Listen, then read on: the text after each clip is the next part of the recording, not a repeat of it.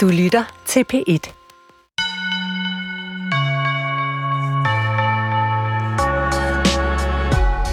Er du nogensinde begyndt at læse en bog, som alle siger er åh, så fantastisk. Sådan en bog, andre mener har ændret deres liv fundamentalt. Og har du så opdaget, at du ikke fatter en bjælle af det her vidunderværk? Det hele er nærmest sort snak, og nu ved du ikke rigtigt, om du skal bekende kulør. Mit bud er, at en del læsere vil have haft sådan en oplevelse, hvis de har givet sig i kast med dagens to værker. Det er nemlig to klassikere, der på hver deres måde virkelig udfordrer læseren. Der er den øh, østiske forfatter Ingeborg Bachmann og hendes kultroman Malina, og den handler om en skrivende kvinde, der bor sammen med en mand, men elsker en anden. Men måske er mændene bare stemmer i fortællerens eget hoved. Og øh, for at det ikke skal være løgn, så findes hovedpersonen måske slet ikke, når det kommer til stykket. Hun forsvinder i hvert fald ind i en væg. Og mindre mærkeligt bliver det ikke i Vladimir Nabokovs hovedværk Bleg Ild. Her handler historien om en øh, professor, der tager sig af at få udgivet sin netop afdøde kollega og nabos langdigt på 999 linjer. Men digtet viser sig hurtigt at være en undskyldning for, at fortælleren kan fylde et stort noteapparat til teksten, som faktisk udgør langt størstedelen af bogen, med historier om sit hjemland Sempla. I dag får du øh, litterær førstehjælp for dine licenskroner til to af årets måske mest komplicerede klassikere. Vi bringer nemlig interviews med de mennesker, der kender værkerne bedst, ud over forfatterne selvfølgelig, og det er de danske oversættere, Nils Lyngsø, Judita Prejs og Jørgen Hermann Monrad. Og så bliver jeg selvfølgelig nødt til at stille dem spørgsmålet. Er bøgerne virkelig besværet værd, og hvorfor skal de være så svære? Jeg hedder Nana Mogensen og er din vært. Velkommen indenfor i Skønlitteratur på P1. Ja, i år er der altså kommet øh, to værker i dansk oversættelse, som ligger øh, meget højt på det, man kunne kalde øh, nørdeskalaen. Og i stedet for bare at sige, ja, men selvfølgelig skal vi læse dem, det er jo klassikere, så spørger jeg i dag, øh, hvorfor skal vi døje med besværet øh, med dem? Hvad giver de igen, der gør læseindsatsen værd? Øh, og det er jo en, en øh, diskussion, som måske er særlig relevant i år, hvor der er udkommet øh, værker af andre store klassikerskrivere. Altså det har været Marcel Proust år, det har været Dostojevski år i år. Så det er, synes jeg, en meget relevant øh, diskussion. Senere kommer der et interview med forfatter, litterat oversætter Niels Lyngsø, som vil øh, føre os ind i Vladimir Nabokovs roman Bleg Ild. Men allerførst øh, til det, der ligger foran mig, og til mine gæster øh, de to modige gæster, som har lovet at komme med en form for salgspitch for den her klassiker, jeg sidder med, Ingeborg Bachmanns øh, roman Malina fra 71, øh, skrevet altså af østriske Ingeborg Bachmann, der blev født i 1926 øh, og døde i 73. Øh, Judita Prejs, velkommen til. Tak. Øh, du er magister i polsk og engelsk, og så er det Jørgen Hermann Monrad her på min anden side. Ja. Øh, magister i tysk og filosofi og litteraturanmelder ved Weekendavisen, og I har oversat Ingeborg Bachmanns roman sammen. Ja. Øhm, i har jo lovet, at, at det ligesom lavet som om, I arbejder for sådan en, en skummel brugtvognsforhandler, der i dagens øh, anledning sælger bøger. Og øh, så skal I prøve at prakke mig den her roman på med jeres øh, bedste og værste salgstriks lige om lidt. Men allerførst så vil jeg fortælle lytterne bare ganske kort om romanen, så de kan følge med. Altså, den foregår i Wien. Fortælleren er en kvinde, hun er forfatter, skal man forstå. Hun har et forhold til to mænd. Den ene bor hun sammen med, øh, Malina, og så har hun øh, et forhold til en anden mand, der bor nede ad gaden. Han hedder Ivan. Øh, men en del af romanen er nærmest sådan en form for mareridsdrømme hos fortælleren, så det er meget svært at finde ud af, hvad er virkelighed, øh, hvad er fantasi, hvad er drøm? Findes de her to mænd overhovedet? Øh, findes fortælleren overhovedet? Øh, hun forsvinder ind i, i væggen til sidst. Og samtidig er der altså bare sådan massive referencer til østrisk øh, litteratur og tysk litteratur og musik og historie, så det er sådan et, et værk med, med virkelig mange lag. Øhm, Judita, altså nu har jeg jo læst den, fordi jeg skal. Jeg skal nok sige, hvad jeg synes om den senere. Men hvis du skulle komme med sådan en eller anden form for salgspitch for den her roman, der ligesom også retfærdiggør, at den er besværet værd. Hvorfor er det her en god roman? Det er en roman til alle dem, som har syntes, at timerne gik for hurtigt, når de var lykkelige, og for langsomt, når de var ulykkelige. Det er en roman til dem, der har filosoferet over det skumle ved postudbringning og over retten til at leve i sit eget snavs. Det er en roman til dem, som, øh, som øh, jeg har tænkt over, hvorfor nogen slikker andre i øret, uden at de har bedt om det. Det er en roman til dem, der har haft mareridt, og til dem, der har drømt om en utopisk verden, hvor diamanterne bliver i stenene, og hvor vi lader naturen være. Og det er endelig en øh, roman til dem, der har haft lyst til at forsvinde ind i en væg. Det kan være som nye erkendelser, når man læser, eller som noget, man genkender i sig selv. Øhm, men først og fremmest så er det jo via det sprog, den er skrevet i. Øh, de nye erkendelser går via sproget, men det tror jeg, vi kommer mere tilbage til senere. Og det lyder jo meget smukt, men også en lille smule kryptisk. Ja. Altså, øh, hvad der er med postudbringningen og, og, og diamanter, der bliver i stenen og så videre. Men, men jeg kan jo godt mærke på dig, altså det, er jo ikke, det har ikke været en pligtopgave som sådan. Altså, mm. det, det er en roman, der rører dig meget, eller går direkte ind. Ja, det er en roman, som i høj grad handler om sprog, der går i opløsning. Øh, og jeg tror, at alle, der øh, ja, som mennesker, eller som læsende, eller skrivende, eller oversætter, men dybest set nok bare som mennesker, måske som kvinder, øh, har oplevet at blive afbrudt, talt hen over, øh, få frataget sin stemme, øh, blive misforstået i øh, alle mulige relationer, øh, kærlighedsrelationer eller upersonlige relationer. Øh, så hvis man er interesseret i stemmen og dens opløsning, så er Marlina en bog for den læser. Og, og Jørgen, hvad vil du sige for, altså hvad er det, din salgspitch går ud på, havde jeg sagt. Hvorfor synes du, det her er så god en roman, at den gør alt det her besvær værd, altså alle de her lag? Jeg får næsten dårlig samvittighed nu, fordi jeg er jo mand, og har både oversat den og læst den som mand. Og den erfaring med, at mænd taler ind over kvinder, øh, og for, øh, forhindre dem i at komme til ord, som jeg tror romanen handler meget om, er jo ikke helt min erfaring. Lige siden jeg var lille, og også som teenager, og også senere hen, så har min øh, måde at læse på egentlig sjældent, altså de bøger, der virkelig har optaget mig, sjældent været øh, identif- den identificerende måde. Det har mere været interessen for spørgsmålet, hvad er litteratur? Øhm, og når jeg læser den her, så, så, så stiller den mange spørgsmål til, hvad litteratur er, og svarer også på mange af spørgsmålene. Den skifter jo øh, genre, fortællemåde igen og igen og igen, så den er ligesom at gå på et museum, hvor man ser malerier af det samme motiv, øh, malet på mange, mange forskellige måder. Og så... på den måde er den utrolig spændende for mig, men, men, men min dårlige samvittighed kommer øh, så ud af den distance, der ligger i det blik. Så det vil sige, at den har både noget, man kan identificere sig med, altså som du mærker, jo, Judita, altså noget med at få, blive afbrudt eller blive talt hen om, og, og, og Jørgen, du siger, jamen der er også for den, der er interesseret i litteraturen som sådan, altså en masse observationer, man kan gøre over den måde, den er, er konstrueret på. Jeg synes, vi skal prøve at give lytterne et lille indblik i det, for ellers så sidder vi bare og taler hen over hovedet på dem. Øh, vi skal høre to små stykker, men det, det første, øh, vi skal høre, øh, skal vi sådan læse lidt op sammen. Øh, alle øh, mine gode oplæsere er bortrejst eller ligger syge, så, så, øh, så lytterne må finde sig i mig i dag. Her, øh, og ja, i øvrigt. Øh, det er sådan, at hovedpersonen, der er fortæller, bruger utrolig lang tid ved telefonen. Og hun, hun øh, ringer øh, meget sammen med ham her, Ivan, som hun altså ikke bor sammen med. Øh, men det er aldrig sådan en rigtig klar kommunikation, og det skal vi høre et eksempel på nu, hvor jeg ligesom læser fortællerstemmen, og så læser I som øh, øh, den, der fortæller i, øh, i teksten, altså øh, den kvindelige forfatter, og så Ivan. Øh, så det lyder altså sådan her. Da det ringer, kurer, brummer, griber jeg ud efter telefonen. Jeg skal lige til at sige hallo, for det kunne jo være Ivan, men så lægger jeg stillerøret på igen, for jeg har ikke fået tilladelse til en sidste telefonsamtale i dag. Den ringer en gang til, men holder straks op igen.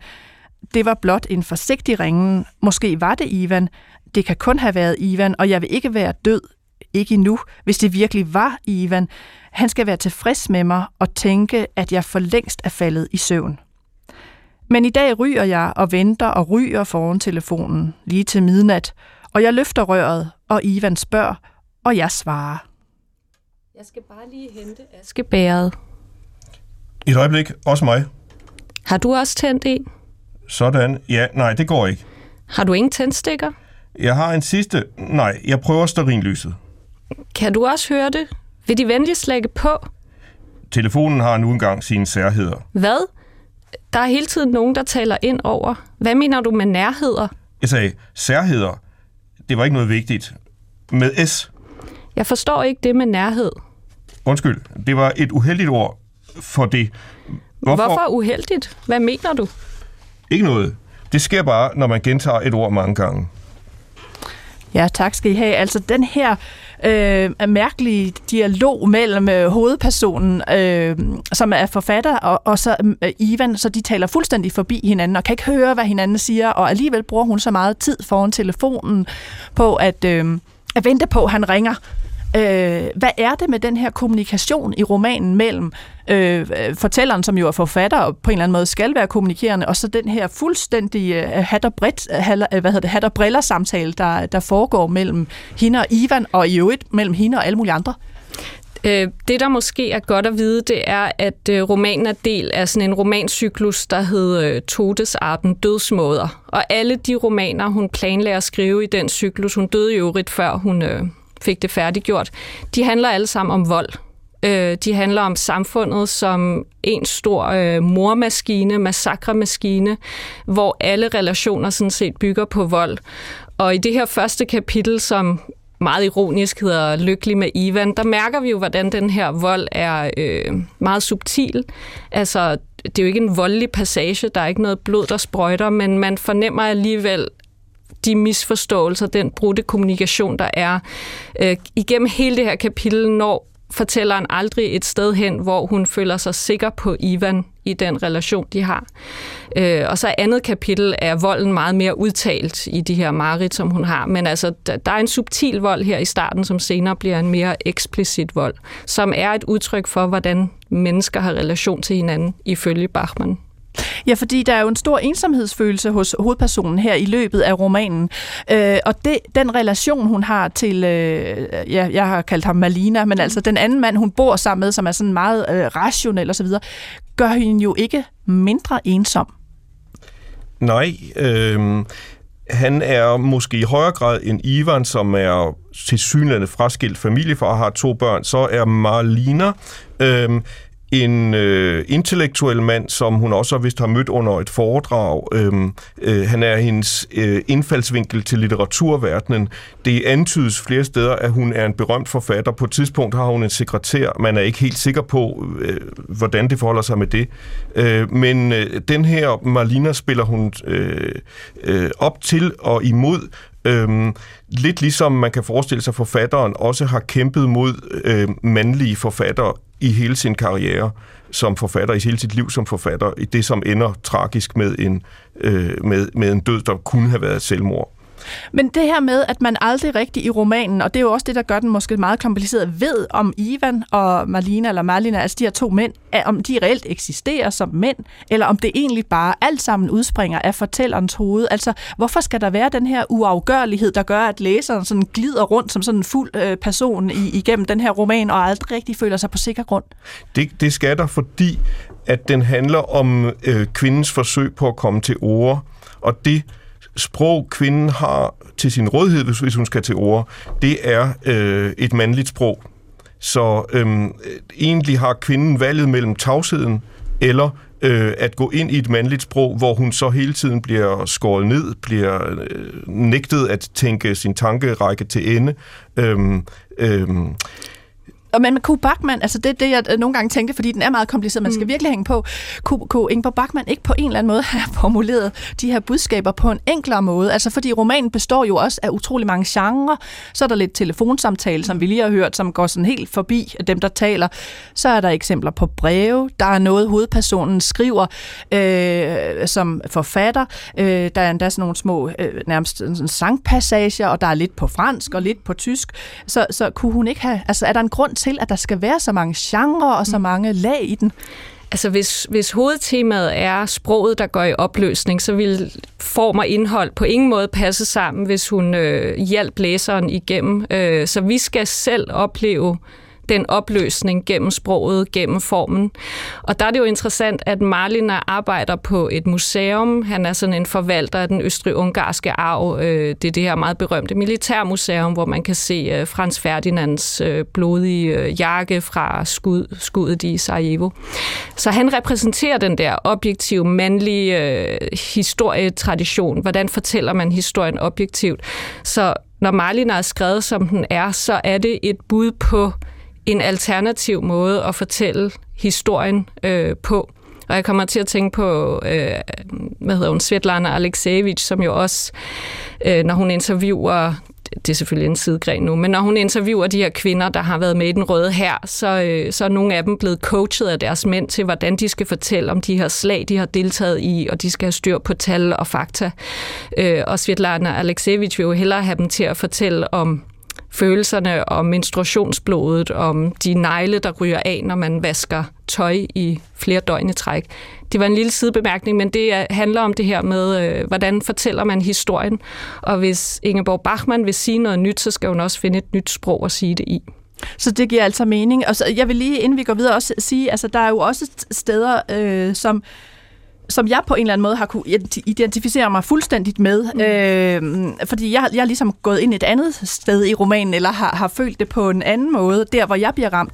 Og det, der rammer mig, og sådan ligesom gør, at jeg orker at gå igennem den her, fordi det, altså, man skal hænge på, det er den her store ensomhed, som fortælleren føler, som jeg i hvert fald øh, som menneske kan genkende, og måske den med, øh, hovedpersonen har ikke nogen børn, og de relationer, hun har til mændene, er ikke rigtig faste. Det er meget glidende. Øhm, og, og der har hun på et tidspunkt en tanke, hvor jeg tænkte, det kender jeg. Øh, vi, vi er sådan helt inde i, i en af de sidste øh, dele af romanen. Øh, øh, hvor Ivan siger til hende, øh, meget venligt kan man jo sige, øh, der er jo ingen, der er afhængig af din eksistens. Og så siger fortælleren, han får ret, for hvem vil mig egentlig noget? Hvem har brug for mig? Men Merlin må, burde måske hjælpe mig med at finde en grund til, at jeg findes. For jeg har jo ikke nogen gammel far, jeg skal være en støtte for i alderdommen. Ikke nogen børn, der altid har brug for noget, ligesom Ivans børn. Varme, vinterfrakker, hostesaft, gymnastiksko. Loven om energiens konstans kan heller ikke anvendes på mig. Jeg er det første fuldkommende spildprodukt. Altså, og den der, og så vil jeg ikke læse videre, men den der følelse, mm. kunne jeg genkende. Altså en gang imellem at have det som om, øh, hvad søren laver jeg egentlig i verden, og hvad er min funktion, altså ud over, øh, som hun gør i romanen, hun skriver ikke, jeg arbejder, men den havde jeg i hvert fald. Ja, den udkom jo 71 og blev øh, kritiseret, havlet ned af de mandlige kritikere, men var faktisk en bestseller af den rødstrømpe, af medlemmerne af den rødstrømpebevægelse, der fandtes dengang. Så, så den har også kunnet ramme, passager af den har også kunnet ramme meget øh, direkte ind, og, og kan det sikkert øh, stadigvæk, som du siger. Ja, det er i hvert fald det, der rammer mig. Altså den der fuldstændige ensomhed, man sidder med fornemmelsen af, mm. når man har læst den. Øh, og, og jeg vil sige, det er jo en... en øh, altså, hvor lang er den? Den er omkring en... en øh, en 300 sider i tre øh, dele, og vi skal høre, synes jeg, øh, en lille passage, jeg vil læse fra det, man kunne kalde hendes mareridtsdrømme. Altså, mm. der er jo de her øh, drømme, hun har, som meget er knyttet til faren, og man er, man er altid lidt i tvivl om, hvor er vi henne. øh, og og det, øh, jeg prøver at læse her bare øh, et tidspenge. Marlina skal vide alt, men jeg bestemmer. Det er drømmene fra i nat. Et stort vindue går op, større end alle andre vinduer, jeg har set. Ikke ud mod baggården i Ungargasse, altså det er der, hvor hun bor, men ud mod en dyster skyformation. Under skyerne kunne der ligge en sø. Jeg har mistanke om, hvilken sø det kunne være, men den er ikke længere frosset til. Der er ikke længere aftenservering, og de følelsesfulde sangforeninger for mænd, der engang stod på isen midt ude på søen, er forsvundet. Og søen, som ikke kan ses, er omkranset af mange kirkegårde. Der er ikke sat kors på dem, men over hver grav hænger en tæt mørk sky. Gravene, tavlerne med indskrifter kan knap skældnes. Min far står ved siden af mig og fjerner nu sin hånd fra min skulder fra graveren, for graveren er trådt hen til os. Min far ser med en befalende mine på den gamle mand, og graveren vender sig efter dette blik fra min far frygtsomt om mod mig. Han vil sige noget, men i lang tid bevæger han blot læberne uden lyd, og jeg hører kun hans sidste sætning. Det er de myrdede døtres kirkegård. Han burde ikke have haft lov til at sige det til mig, og jeg græder bitre tårer. Altså en, øh, sådan en, en eller anden form for, for maritstrøm, fortælleren har om den her far og de myrdede døtres kirkegård. Altså, hvordan skal man forstå al den her farsnak og alt det mor og død, der er? Øh, fortælleren nævner også gaskamrene på et tidspunkt. Ja, jeg tror måske, man øh, bliver nødt til at, komme ind på hendes biografi uh-huh. her. Øh, du nævnte, hun var født i 1926, hvilket betyder, at hendes sidste skoleår øh, er præget af krig, øh, af Bund Deutscher Mädel øh, møder, øh, altså den her nazistiske pigeforening. Øh, hendes lærer er nazister, hendes far melder sig meget tidligt ind i nazistpartiet. Så da hun efter krigen er en ung kvinde, som skal til at studere, så øh, betyder det også et opgør for hende med øh, den her forbrydergeneration, som hendes forældres generation er. Øh, og meget af hendes virke kommer også til at være præget af en kamp mod det, som hun ser som en fascisme, der aldrig er forsvundet fra Wien og fra Østrig. Øh, så de myrdede døtres, og det bliver så sat ind i en patriarkal sammenhæng. Altså krig er et mandligt fænomen. Øh, Ja. Så det der med, at far, når man forstår ham, det er ikke altid den, øh, hvad skal man sige, konkrete far. Det kan også være far som struktur, eller far som nazismen. Også ja, det, det, det, øhm, det, øh, det svæver det, øh, det, det bevæger sig lidt frem og tilbage, fordi den sø, man ser, kunne meget vel være øh, Wörthersee uden for Klagenfurt, hvor hun vokser op. Så der er hele tiden selvbiografiske elementer. Øh, Marlina er skrevet i Rom, men handler nok meget om hendes tid i sidst i 50'erne og først i 60'erne i Wien. Øhm, øhm, øh, og den mand, der dukker op her, det er, jo, det er jo også den evige mand, og der er en hel række af mænd, bare lige for at tage to, tre, fire af dem, så er faren der, så er der en gymnasielærer, der er nazist, som jo det fortæller, som hun skriver nogle stile til. Det er faktisk hendes første øh, virkelig velskrevne litterære ting, de kunne udgives. Og øhm, så kommer der en, en ung jøde, der hedder Jack Hamish, som er engelsk officer, som øh, måske hendes første kærlighed, men hun kalder ham samtidig jøden i sin dagbog.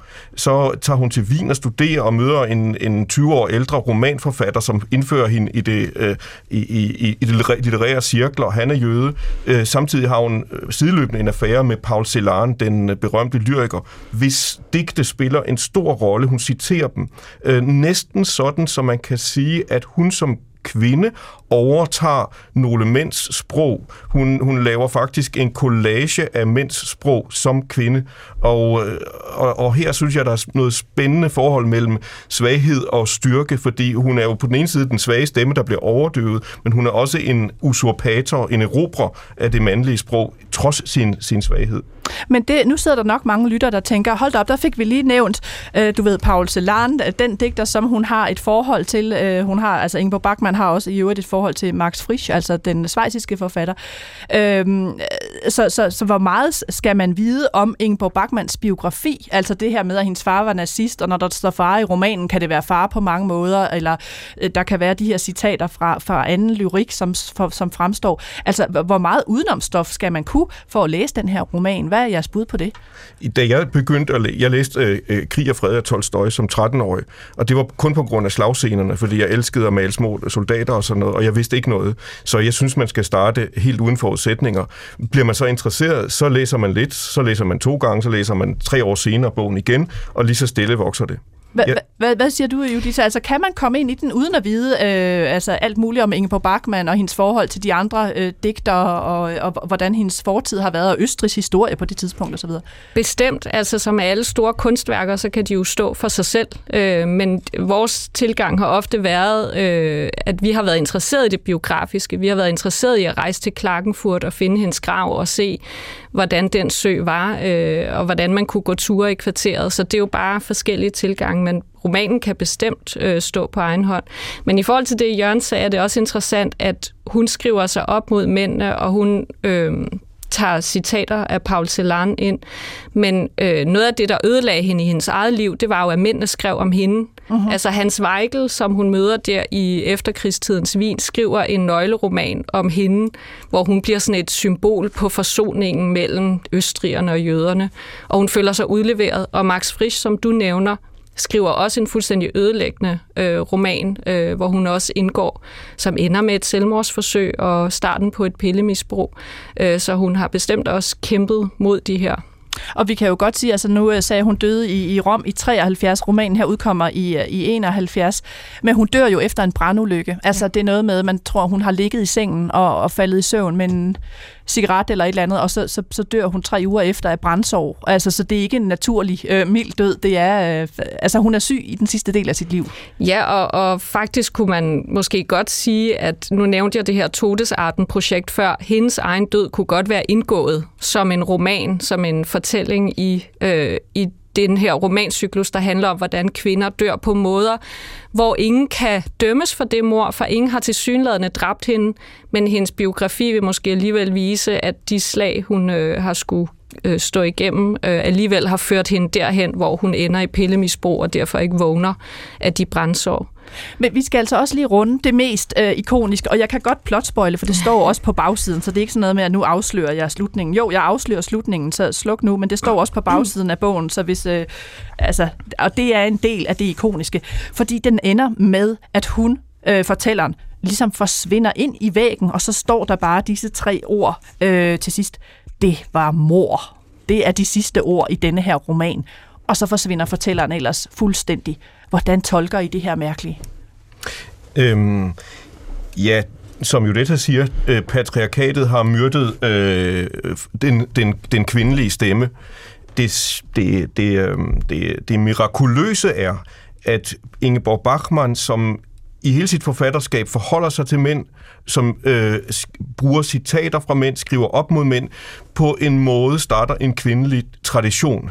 Fordi øh, hun giver stafetten videre til øh, for eksempel Elfriede Jelinek, Altså den, øh, jeg mener, østriske Nobelpristager, ja. ja. som skriver på samme måde, som, som skriver på samme typiske vinermåde, hvor øhm, en, en, en passage altid starter med et tema, som så udvikles musikalsk, øh, som det vil blive gjort i et stykke klassisk musik, indtil den er sådan er forklaret. Så kommer samme passage så vendt om i et lidt langsommere tempo, og så en finale til sidst. Sådan er, er, er Marliner bygget op, og sådan er det ofte hos Jelinek. Og så øh, spørgsmålet om, hvorvidt kvinden har en stemme, er det helt centrale også hos Jelinek som så samtidig er jo er blevet Nobelpristager og øh, øh, på en måde har sejret.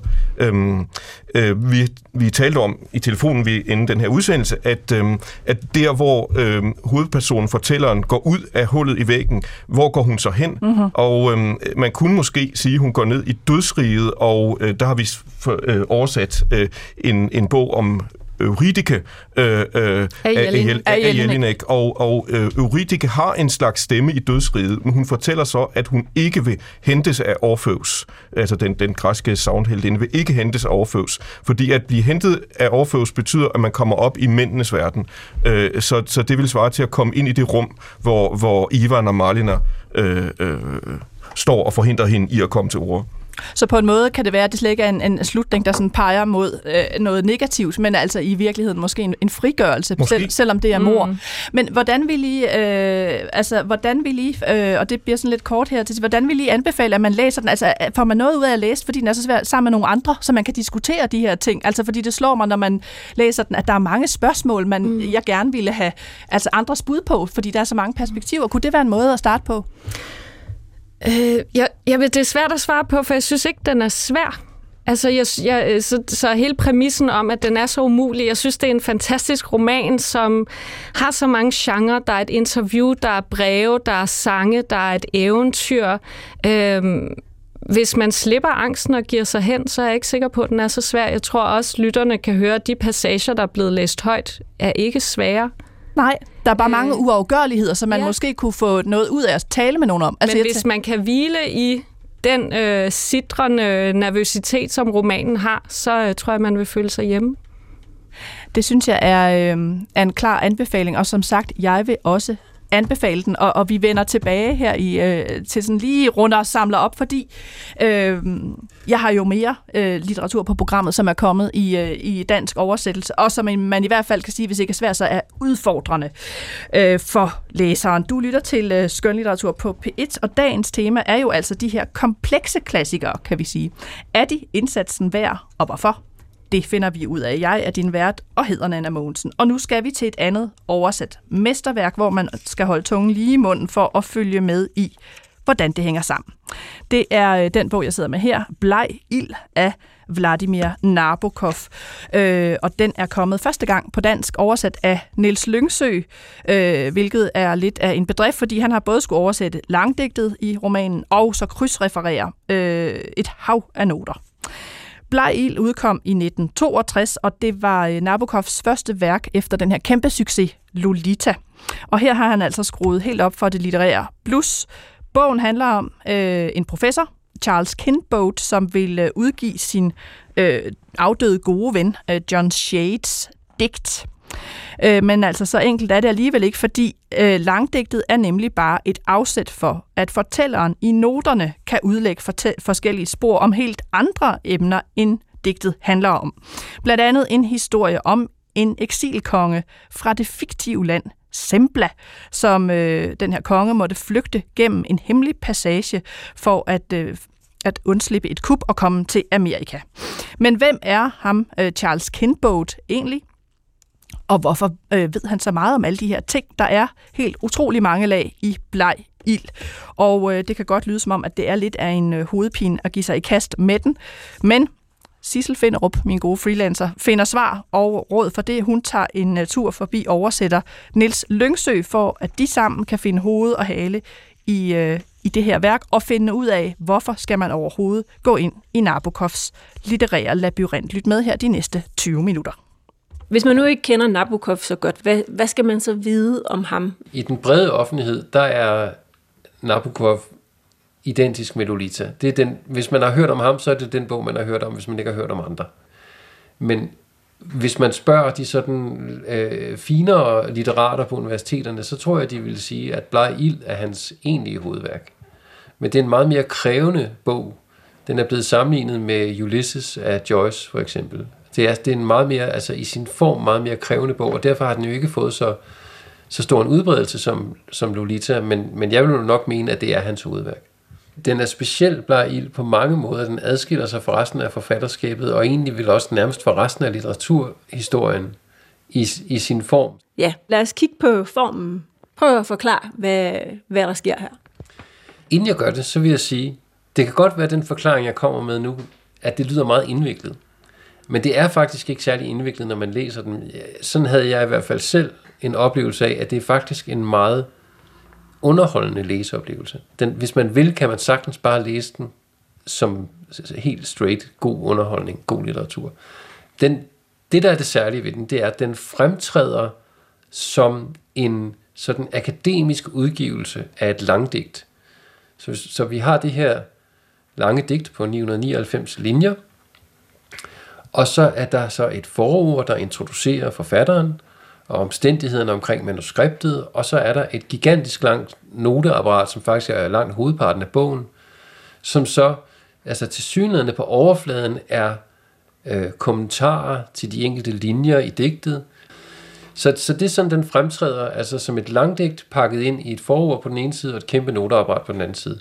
Men det er selvfølgelig alt sammen fiktivt. Så det er en fiktiv digter, John Shade, der har skrevet digtet, og det digt bliver så udgivet af en fiktiv litterat, øh, Charles Kinboat, som står for forord og noter. Der er sådan en passage her, hvor han øhm, er i, på universitetets læreværelse. Øhm, og det der jo også er med fortælleren Charles Kinboat, det er, at han i høj grad øhm, positionerer sig selv som meget klog og dygtig. Mm-hmm. Øhm, selvom det måske ikke altid er sådan, det øhm, mm-hmm. bliver modtaget af andre. Ja. Og det tænker jeg, om du måske kunne, øhm, kunne læse den passage her. Et par dage senere, nemlig mandag den 16. februar, blev jeg imidlertid forestillet for den gamle digter ved frokosttid på universitetets lærerværelse. Hans lakoniske forslag om, at jeg skulle prøve svinekødet, morede mig. Jeg er vegetar i streng forstand, og jeg kan godt lide at tilberede mine egne måltider. At fortære noget, som en medskabning havde haft mellem hænderne, var, forklarede jeg mine rødmossede bordfælder lige så frastødende for mig som at spise en hvilken som helst skabning, og det indbefattede også, her sænkede jeg stemmen, den runde, rottehælede studine, som serverede for os og slikkede på sin blyant. Desuden havde jeg allerede spist den frugt, jeg havde medbragt i min dokumentmappe, så jeg ville, sagde jeg, nøjes med en god flaske College Ale. Min frie og enkle optræden fik alle til at slappe af.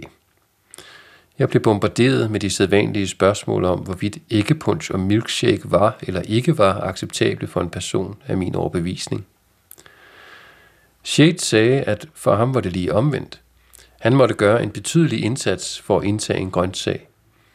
At begynde på en salat var for ham som at gå ud i havvand på en kølig dag, og han havde altid været nødt til at forberede sig, inden han kunne angribe et æbles fæstning – jeg var endnu ikke vant til de temmelig trættende spøgefuldheder og drillerier, der udspiller sig blandt amerikanske intellektuelle af den indavlede akademiske slags, så jeg afstod fra at fortælle John Shade for øjnene af alle disse grinende gamle mænd, hvor meget jeg beundrede hans værker, af frygt for, at en seriøs diskussion om litteratur skulle udarte til blot og bare spøg og skæmt. Øhm, det sidste her, den kommentar, han kommer med der, er det, altså sådan, hvad, hvad ligger der i, at han øh, mener, at det tit udvikler sig til bare spøg og skæmt? Jamen, det er jo sådan øh, en meget metaagtig, mærkelig ting at sige, fordi denne her bog jo er et stort spøg og skæmt nummer. Øh, det er jo, øh, som man sikkert også kunne fornemme af den her passage, en, en ret sjov bog. Det er et meget godt eksempel, den her passage er et meget godt eksempel på, at Charles Kinbold jo er det, som vi i øh, litteraturverdenen kalder en upålidelig fortæller. Og man må sige, at Charles Kinbold er måske nok en af de allermest upålidelige fortællere overhovedet i litteraturhistorien. Det er helt vildt, som han overhovedet ikke forstår, hvad der foregår rundt om ham. Og hvor, altså, hvordan man som læser hele tiden kan se hen over skulderen på ham og se, at, at det han fremstiller som, han fremstiller jo gerne sig selv som en, en, som du også sagde, en utrolig klog og vittig og charmerende person, og man kan bare se, at han var været altså forfærdelig. Et forfærdeligt menneske at omgås, ikke? Jo, altså her der skriver han jo for eksempel, min frie og enkle optræden fik alle til at slappe af. Og det tror jeg ikke er rigtigt. Og på mange måder er det jo også meget tydeligt, at han er en upålidelig fortæller. Det er lige før, han næsten selv i tale sætter, hvor upålidelig han ja. er som fortæller. Præcis. Han er en upålidelig, upålidelig fortæller, ikke? Jo, nærmest. Ja, ja. ja men det er rigtigt. Han, han er øh, altså overdrevet upålidelig. Og det er også det, der... Altså, nu spurgte du før, hvad den handlede om, og det tror jeg, jeg svarede lidt udenom, fordi det er faktisk svært at, at svare præcis på, hvad den handler om. Men noget af det, den måske handler om, er forholdet mellem fiktion og virkelighed. Eller forholdet mellem hvordan ting udspiller sig, og hvordan man så kan fremstille dem. Fordi der er så mange lag i den her historie. Øh, og tingene er ikke, hvad de giver sig ud for at være. At når han fortæller en eller anden anekdote fra et læreværelse, så ligger der nogle andre ting nedenunder. Og der er jo også altså, hele spørgsmålet om selvfortælling og identitet, fordi hvem er han overhovedet, ham her Charles Kinbote? Nu ved jeg ikke, hvor meget vi skal plotspoile, men der er jo nogle forskellige spor i bogen, så meget kan jeg jo godt sige, at, at Charles Kinbote, nej, inden jeg når så langt, så er jeg nødt til at sige, måden den her historie bliver fortalt på, er jo ret speciel, fordi nu kan jeg så sidde og genfortælle historien, fordi jeg har læst hele bogen. Men når man støder på den som læser, så får man den ikke i kronologisk rækkefølge overhovedet. Fordi historien bliver fortalt i de her fodnoter til digtet, hvilket lyder helt skørt, men, det, men det, de der fodnoter, de stikker helt af i forhold til digtet. De har faktisk overhovedet ikke noget med digtet at gøre. De fleste af dem har intet med digtet at gøre. Og ellers også så de første to linjer af en fodnote handler om digtet, og så stikker han bare af i en anden retning. Og i de der lange, øh, der er jo nærmest ikke andet end digressioner, kan man sige. Og dem kan man så, som sådan nogle puslespilsbrikker, man har fået hulter til bulter, efterhånden lægge sammen til et billede, som jeg nu så rekonstruerer øh, mere lineært, end det fremtræder i bogen, at Charles Kinbold, som fortæller historien, har også, hvordan skal jeg sige det uden at røbe for meget, han har på en eller anden måde en utrolig stor viden om en øh, eksilkonge fra Europa, som er flygtet fra en revolution, hvor han øh, er blevet afsat, og har været spærret inde, og så lykkes det ham at stikke af. Øh, og, og man følger meget tæt den her konges øh, flugt i mange detaljer. Øh, og, og man må sige, at Charles Kinboat har en meget intim kendskab til hans historie. Og hvem er Charles Kinboat egentlig? Og hvem har egentlig skrevet det der digt? Hvem er John Shade egentlig? Det bliver mere og mere usikkert, som bogen skrider frem. Øh, noget af historien handler også om forholdet mellem Charles Kinboat og John Shade, som altså John Shade er digteren, der har skrevet det her 999 linjer lange digt, som bliver udgivet i den her akademiske udgave, men han er samtidig også kollega til Kinboat på universitetet og nabo til ham.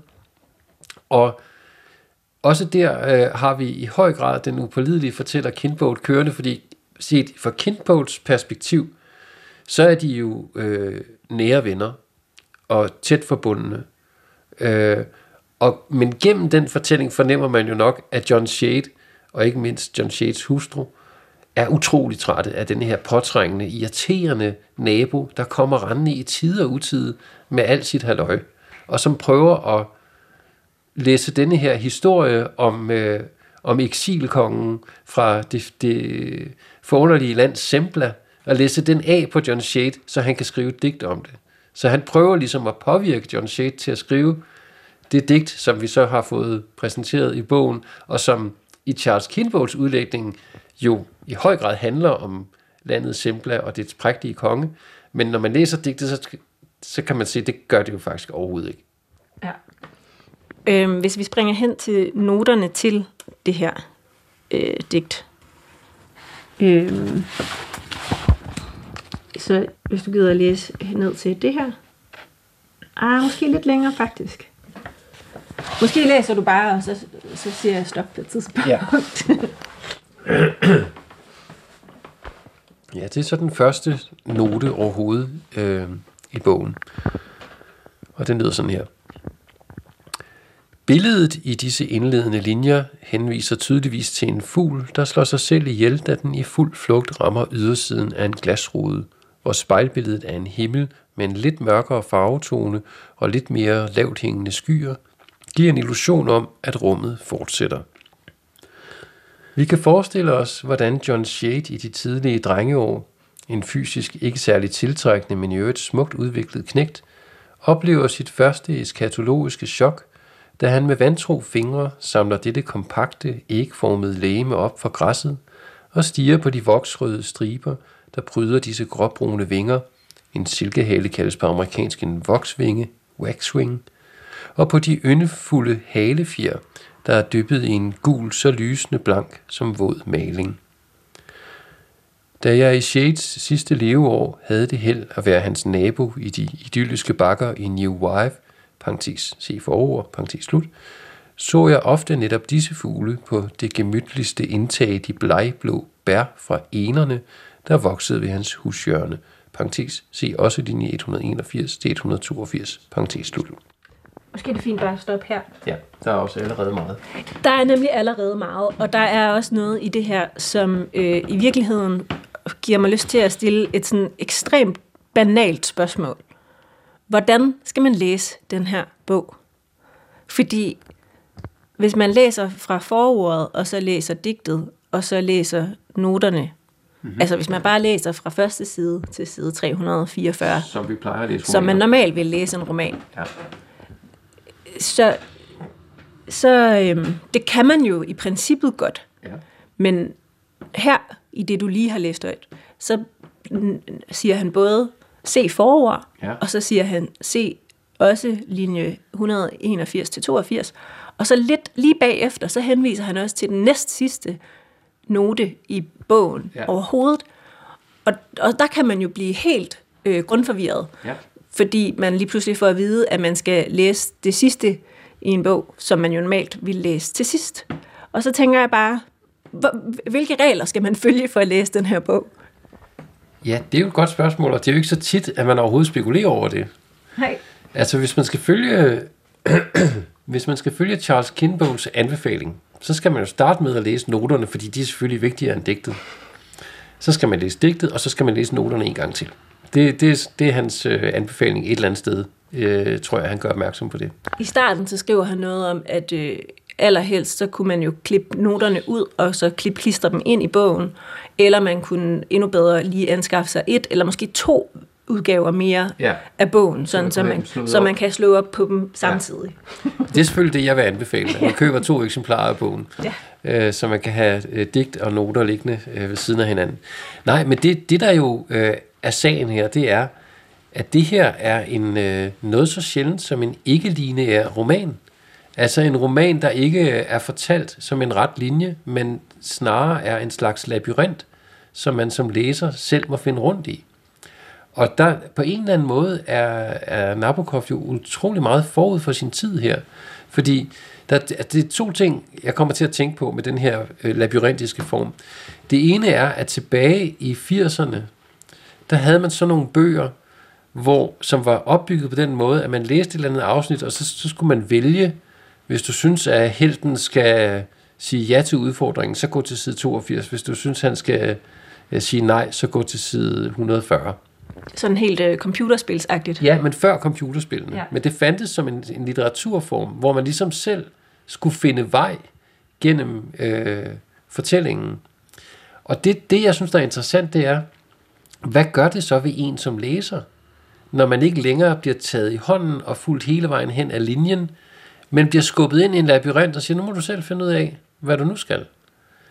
Læser man pligtskyldigt fra side 1 til, til den sidste side, lader man sig øh, forføre af henvisningerne, gør man pligtskyldigt, som han siger, se forord, går man så tilbage og ser forord, hvad er man overhovedet for en personlighed? Er man, øh, hvor, hvor selvstændig er man? Hvor uselvstændig er man? Hvor irriteret bliver man? Hvor munter bliver man over, det her det er jo helt forvirret, det er jo helt rundtosset. Og hvis man for eksempel, som vil, nok vil være min spontane måde at læse på, vil være lystlæsning og sige, nogle gange har jeg lyst, og nogle gange har jeg ikke lyst til at følge en henvisning. Hvis jeg følger den, så følger jeg den. Og så derfra bliver man måske henvist til noget andet, og til noget tredje, og til noget fjerde, og så ryger kronologien fuldstændig. Og hvornår er man så færdig med at læse? Det ved man jo så heller ikke, medmindre man har taget den meget slavisk kronologiske, så man er sikker på, at man har fået læst det hele. Ikke? Det vil være den, den neurotiske måde at læse på. Nu læser jeg fra side 1 til side, hvor meget er der? 500, ah, 340 sider. Øh, og så har jeg fået læst det hele, så kan jeg sætte flueben ved den. Bum, nu har jeg læst Nabokovs hovedværk, sådan jeg er vel nok en dygtig dreng. Ikke? Eller om man vil give sig selv den frihed at sige, det her det er sjovt, det er en leg, som Nabokov leger med mig som læser, og jeg vil gerne lege med. Og jeg vil gerne bare gå med det, der er sjovt. Så, så på den måde bliver man også på en anden måde, end man er vant til, konfronteret med sin måde at læse på. Hvad gjorde du første gang, du læste den? Uh, jeg var en dygtig dreng. Jeg læste meget pligtskyldigt fra den ene ende til den anden. Men jeg sad nogle gange og tænkte, hvor, hvorfor gør han det? Altså, hvorfor? Hvad, hvad er det, han vil? altså, fordi det virker som om, at han også bare gerne vil vise, at han kan nogle gange. Netop, at han kan lege med fortællerlag og fortæller, og lege med sine læser. Altså sådan, jeg tror, at jeg savner en lille smule... Øh, altså, den er virkelig sjov og morsom, og skæg, og man bliver kastet rundt, og der er mange fede referencer til, også til, altså han refererer jo også til Lolita og Pnin. Øh, men jeg tror måske, jeg stadig ikke helt har fundet ud af, hvad, øh, eller hvad han vil sige, der er, har lidt mere substans. Det forstår jeg godt, og mens du sad og, og formulerede det, så kom der en tanke til mig, at det, var, det minder mig på en måde lidt om øh, Per Højholdt, som man på mange måder også kan sige var sådan en spasmager. Altså, de fleste kender hans gittemonologer, men det gælder også altså, hans andre ting, at der er helt klart sådan et lag af spøg og skæmt. Ikke? Altså, det er sjovt. Og der kan man også nogle gange møde den kritik af hans forfatterskab, at jamen, hvad er det overhovedet, han vil? Vil han bare lave fis? Eller altså, er, der ikke, er der ikke noget alvor et sted? Og der tror jeg både med Højholdt og med Nabokov, at det forholder sig sådan, at det du kalder substansen, jeg er ikke helt sikker på, at jeg vil bruge det ord selv, men lad os sige, alvoren, eller det oprigtige, kan vi også kalde det. Ja, måske det oprigtige, ja, det er fordi, lidt bedre. Ja, fordi man bliver også, jeg kan forstå godt, jeg kan godt genkende den følelse, at man kan også blive træt af, at det hele bare er ironi, det hele er parodi, det hele er bare, vi går bare nar, vi vrænger af noget. Hvornår kan du sige noget oprigtigt? Hvornår er der noget, du faktisk mener, noget du faktisk føler? I detaljen, vil jeg sige. I den enkelte scene. Det er rigtigt nok, hvis du har det helt store, øh, zoomer helt ud og ser konstruktioner og, så, og metalag og bla bla bla, så er det et stort spyr og skæmt nummer. Men der er jo nogle fantastiske scener, hvor han skildrer øh, en, en, en tur gennem et bjerglandskab for eksempel, og der er nogle altså meget smukke sådan homoerotiske fantasier om unge muskuløse mænd og sådan nogle ting, og det er de detaljer, det er der, altså der synes jeg, der kommer en alvor og en oprigtighed ind i glimtvis, altså nærmest sådan måske mod forfatterens vilje. Hvis du sådan helt kort skal opsummere, hvorfor man skal forsøge at læse det her værk, hvor du både skal læse et forord, hvor du er lidt forvirret over, hvem der fortæller. Du skal læse et digt af en forfatter, som måske, måske ikke findes. Så skal du læse en masse noter af en måske lært mand fra et fiktivt land. Hvad, hvad, hvorfor skal man gå hvorfor skal man øh, forsøge at finde rundt i alle de her lag? Det skal man da heller ikke, hvis man ikke har lyst. Jeg tror, man skal være indstillet på at lege med som læser. Øhm, og man skal være indstillet på at have en mere aktiv rolle, end man er vant til. Frem for passivt at blive underholdt af en fortælling, som går fra A til B til C efter en genkendeligt mønster, så, så bliver man øh, nødt til selv at tage, tage lidt mere del i det.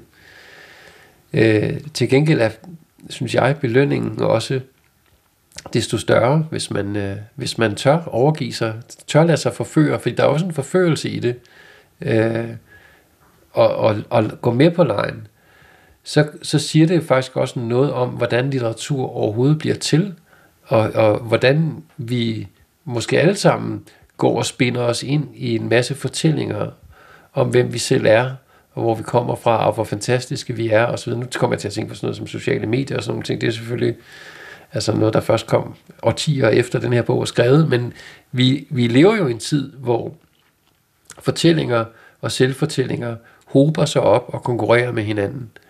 Og det hele den måde, den slags maskiner kører på, får man indblik i her. Man kommer med ind i, i fortællingens øh, maskinrum på en, på en ret fabelagtig måde.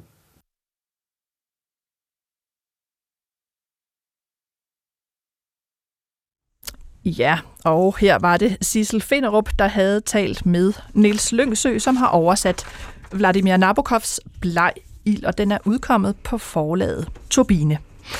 Og jeg sidder her i studiet stadig med mine hovedgæster, øh, oversætter Judita Prejs og Jørgen Hermann Monrad. Øh, og vi har jo talt om den østrigske forfatter Ingeborg Bachmanns måske hovedværk, øh, Marlina eller Marlina, øh, i dag der er sådan en helt øh, Marlina eller, eller Ingeborg Bachmann bølge. Øh, jeg skrev noget ned. Øh, I har før oversat øh, en brevveksling mellem hende og, øh, og digteren Paul Celan, øh, som er udkommet på Vandkunsten. Øh, så kom, er der kommet noget mere Ingeborg Bachmann fra øh, forlaget M, der er en antologi, der hedder Kast din angst op i luften, 15 tysksprogede kvindelige lyrikere efter 2. verdenskrig. Der er nogle Bachmann-digte i. Næste år kommer der fra forlaget sidste århundrede øh, Fransas bog, som er en del af den her dødsmåder, øh, ligesom øh, Marlina er. Øh, og I har jo også en lille nyhed, ved jeg, med Bachmann. Ja, øh, Charlotte Jørgensen fra forlaget Grif, som jo også er dem, der har udgivet Marlina, øh, hun har spurgt, om vi ikke vil oversætte Ingeborg Bachmanns krigsdagbog øh, som også kommer til at inkludere brevene fra ham, som Jørgen nævnte, Jack Hamish, den her unge jødisk-engelske officer, som hun har en slags øh, forhold til øh, efter krigen. Så den kommer. Og hvorfor tror I, at altså, for eksempel i år har der været tre øh, oversættelser af, af den øh, antikke digter Sappho, øh, og nu er der så bare øh, Ingeborg Bachmann, Ingeborg Bachmann, Ingeborg Bachmann, og der kommer mere Ingeborg Bachmann. Øh, hvad er det, der gør, at, øh, at hun rammer ned i sådan en dansk læseløst lige nu, tror jeg?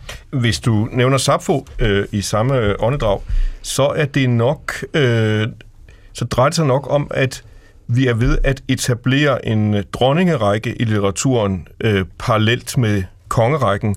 Og øhm, her har vi, som jeg også nævnte i forbindelse med, at hun Bachmann gav stafetten videre til Nobelpristageren Jelinek, her har vi en, en virkelig en dronning, som er øh, som, som, som taler på subtile måder om, hvordan det er at være kvinde i sproget og i litteraturen, og som samtidig skaber nogle værker, som kræver modsvar af andre øh, Øhm, øh, kvindelige øh, hvad det hedder, forfattere. Og jeg spår, at der vil være øh, danske øh, øh, kvindelige forfattere, måske også mandlige, for hvorfor, hvorfor begrænse det, som, som, øh, som vil skrive op imod, lade sig inspirere af Ingeborg Bachmann, og især den her Marliner, øh, øh, fordi den også er lettere efterligne, eller ikke lettere efterligne, men den er inspirerende og efterligne formmæssigt. Og øh, jeg kan også sige, at der er et øh, efterord her af, af digteren øh, Mette Mostrup, hvis man er interesseret i den her roman. Og den er altså udkommet på forlaget Grif. I jeres oversættelse, øh, Judith Preis og Jørgen Hermann Mondred, mange tak, fordi I var med i dag og øh, gjorde os klogere, og jeg kan altså også anbefale bogen, skal jeg lige sige. Skøn litteratur på P1 er slut for denne gang. Jeg var din vært og hedder Nana Mogensen, og jeg fik hjælp af Steffen Klint, Sissel Finderup, Line Fabricius og Sigrid Langballe. Du kan altid skrive til mig på litteratur dr.dk. Og næste uge så tager jeg på hjemmebesøg hos digteren Søren Ulrik Thomsen. Det skal handle om hans og min frygt for at blive gammel og affældig, så det skal nok blive rigtig muntert. Vi høres ved.